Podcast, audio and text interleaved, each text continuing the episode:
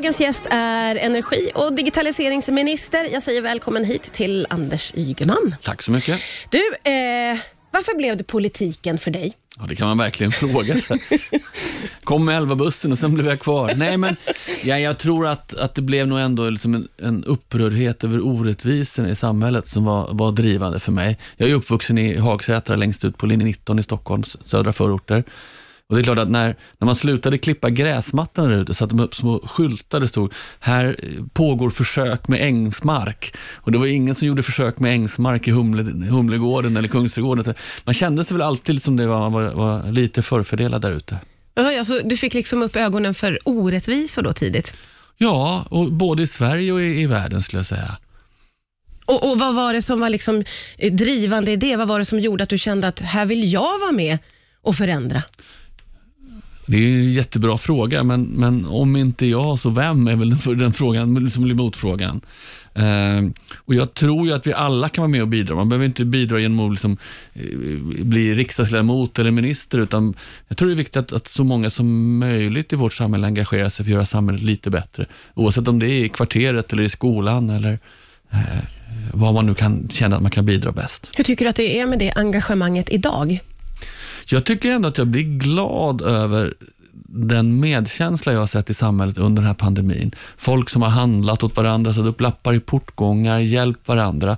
Och jag tycker när Stockholm drabbades av ett terrordåd och jag var inrikesminister, tycker jag det var samma sak där. Väldigt många ställde upp för varandra. Så när det blir lite tuffare, då är min bild att, att vi svenskar ställer upp väldigt bra för varandra. Mm. Sen kanske vi kunde ha lite mer av den där bjussiga stilen i, i vardagen också. Ja, just det. Vi kanske får med oss det i ja, förlängningen, det vet vi ju inte. Du, häromveckan så utsåg statsministern eh, nya ministrar. Bolund blev ju eh, klimatminister och Stenevi jämställdhetsminister, bland annat. Hur, undrar jag, påverkar det här eh, känslan i ministergrupp, alltså bland er ministrar, att folk kommer och går? Vi har ju blivit ganska vana med det. Ja. Jag, jag, jag har ju själv både, både, både gått och kommit, ja. så jag är lite speciell där. Eh, men, men det är klart att det är en, en speciell ställning, men den är också den är ganska öppen så tyvärr. Det är lätt att ta in eh, en, en som kommer ny i, i, liksom, i gruppen. Och det är ju det är ju ganska utsatt att vara minister och därför blir ju kollegorna på något sätt liksom de enda som man ibland kanske kan vara, vara riktigt öppen med hur det, hur det känns eller hur, hur någonting händer och där man också oftast alltid kan räkna med, med stöttning. Ja, det är så. Har ni några eh, så här, invigningsritualer? Jag vill inte nej, säga vi, nollning. Nej, ingen nollning. Nej, nej, inte det, nej, nej. Man hälsar varandra ja. välkomna. det, det är på en bra nivå, vuxet och, och, så vidare. Vilka, vilka är dina bästisar i regeringen?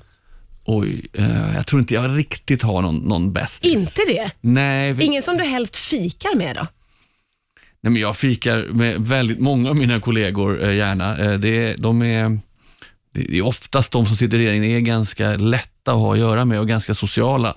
Och som statsråd så måste man ju nästan gilla att träffa människor. Mm. För det är en, del av jobbet att vara ute och träffa människor, lyssna på människor och, föra deras, deras talan. Så det är nog, nog väldigt få jag inte skulle kunna tänka mig att fika med. Finns, Eller det är finns det någon, Anders? Var det någon Nej, där på tungspetsen? Eh, men, men um, Nej, jag, det, det, jag tar, nog en, en, fika med, med vem som helst.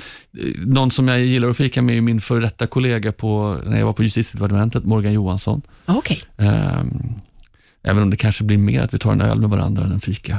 Ja, det är nästan roligare faktiskt, generellt sett. Eh, det är många som drar i dig nu, för Sverige eh, har ju då eh, valt att vilja ta fram ett digitalt vaccinationsintyg som ska finnas till sommaren, det är snart det. Varför var det här viktigt? Ja, det var ju viktigt för att jag tror att flygbolag och andra kommer att kräva det för att resa. Och hittills är det enda vaccinintyg man kan få en papperslapp, antingen en gul kartongbit eller ett, ett utprintat utdrag. Och det är ju både opraktiskt och osäkert. Eh, och vi vill helt enkelt att man ska kunna ha ett, ett vaccinationsintyg i en app eller att du helt kan verifiera ett, ett, ett intyg på papper. Mm. Hur ska det här funka då, rent praktiskt? Ja, när du vaccinerar dig så förs det ju in i det nationella vaccinationsregistret. Och vår huvudtanke är att man ska kunna verifiera att du är vaccinerad mot registret eh, och, och, och, därmed då kunna kontrollera att du har det, det, ett vaccinationsskydd. Mm. Eh, här, om veckan så eh, blev det stora nyheter kring att Agnes Wolds eh, 73-åriga man eh, inte eh, kunde komma åt och se om han skulle få vaccin för att han inte hade bank-id. Och det finns ju en viss eftersläpning bland den äldre generationen vad gäller digitalisering. Eh, vad tänker du om det? Jo, jag tänk, man ska ju komma ihåg att jämför vi Sverige med nästan något annat land i världen så kan våra äldre mycket, mycket mer om, om internet än andra och använder sig av internet mycket mer. Men jag tycker det är alldeles självklart att den som föredrar att få ett vaccinationsintyg på papper ska få det. Men att den här digitala strukturen vi bygger upp ska kunna verifiera det intyget, så att det där pappersintyget är lika säkert som intyget i appen. Mm. Eh, men det här då att eh, i alla fall, det finns en del äldre som liksom står utanför eh, digitaliseringen. Vad är ditt ansvar i det, tycker du? Ja, mitt an ansvar är väl att se till att hjälpa dem att komma in nu ska man komma ihåg att det är verkligen de äldre äldre vi pratar om. Pratar vi 65 till 75-åringar, de tio första åren i pensionen, då använder de internet lika mycket som uh, folk mitt i arbetslivet. Mm. Men de som är 75 och över, där börjar det avta internetanvändningen. Då har vi det vi kallar för digidelcenter på våra bibliotek, där man kan komma och få hjälp, både att använda dator eller mobiltelefon om man inte har det, och också få hjälp av hur man använder det och appar. Vi har, har ett antal projekt där skolklasser och föreningar där unga hjälper äldre, både för att skapa social kontakt och för att och, och klara då den här kunskapsöverföringen. De har ju fått bromsa sig lite nu under pandemin. Mm. Men jag tror också väldigt många äldre har tagit stora steg under pandemin. ja, det vet vi ju. Det har man ju sett. Och jag själv försökte ringa min pappa med videosamtal. Ja. Det börjar med att man får se ett öra eller en kind i telefonen och man får skrika lite. Men sen efter ett tag så kommer det och så kan man, nu har vi haft videosamtal under större delen av pandemin. Ja, det är sant. Du, sen då när man får börja använda de här vaccinationsintygen och börja resa utomlands, eh, vart drömmer du om att få resa som din första resa?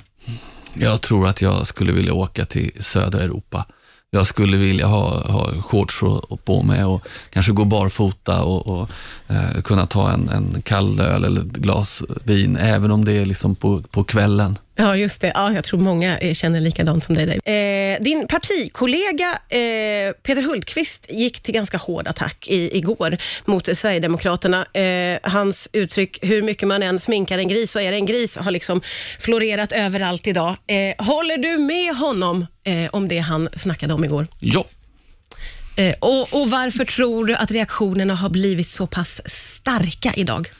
Nej, jag tror att det finns väl en, en eh, invändningseffekt.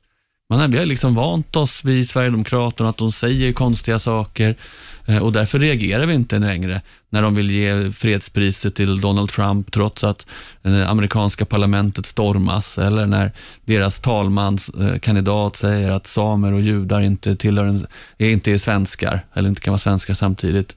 Eller när man säger att media är folkfiender. Och den där tillvänjningsprocessen tror jag är ganska farlig.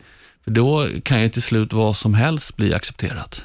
Det har ju skett väldigt mycket de senaste åren med eh, tonläget och det har väl också mycket med den förra amerikanska presidenten att göra naturligtvis. Vad tänker du om det?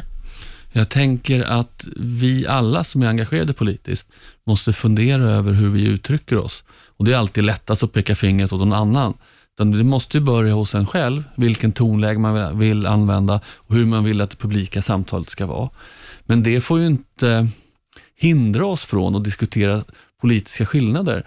För väljarna har ju en rättighet att få se olika alternativ och få de olika alternativen belysta. Mm. Eh, du, eh, vi pratade lite grann under låten här du och jag. Eh, jag frågade dig om du tror att du kommer att hålla på med politiken för resten av ditt liv. Nej, det hoppas jag inte, sa du då. Ja. Vad har du för förhoppningar om framtiden? Ja, just nu hoppas jag väl att vi ska få vaccin och att vi ska kunna öppna upp Sverige. Det är väl den förhoppning vi alla bär på. Nej, men jag tror att jag kommer att hålla på med politik ett tag till. Men jag ser inte framför mig att jag ska göra det hela livet, utan det måste finnas andra roliga saker att göra i livet. Vad kan det vara för någonting då, för Anders Det skulle kunna vara ett, ett, ett eh, näringslivet, det skulle kunna vara eh, och någonting som jag saknar faktiskt, något som jag, jag ångrar i mitt liv, det är att jag inte har prövat att bo utomlands någon gång i mitt liv. Mm. För det är ändå en erfarenhet av vardagslivet utomlands som jag tror att man inte kan sätta sig in i när man bott i samma land hela tiden. Mm. Eh, så det skulle jag gärna göra. Vilket land tror du att du skulle välja att bosätta dig i? Oj, det är naturligtvis lättast med ett spansktalande land eftersom jag pratar lite spanska. Eh, men jag skulle nog, det skulle nog egentligen kunna vara vilket land som helst. Det ska vara lite annorlunda mot Sverige så att man liksom vågar man utmanar sig själv i vardagen lite. Ja. Men eh, du satsar inte på eh, att bli statsminister innan du lägger av med politiken? Nej, jag, det tror jag inte. Jag tror man måste vara fokuserad där man är. Jag, jag, det gör man in, är man inte det så riskerar man att och göra ett dåligt jobb, utan nu är jag energi och digitaliseringsminister och då fokuserar jag på det. Jag vet ju att den här frågan är dödsdömd att ställa, jag vet inte varför jag sa så. Anders Ygeman, det var väldigt roligt att få träffa dig. Tack snälla för att du kom till Rix FM idag. Tack så mycket.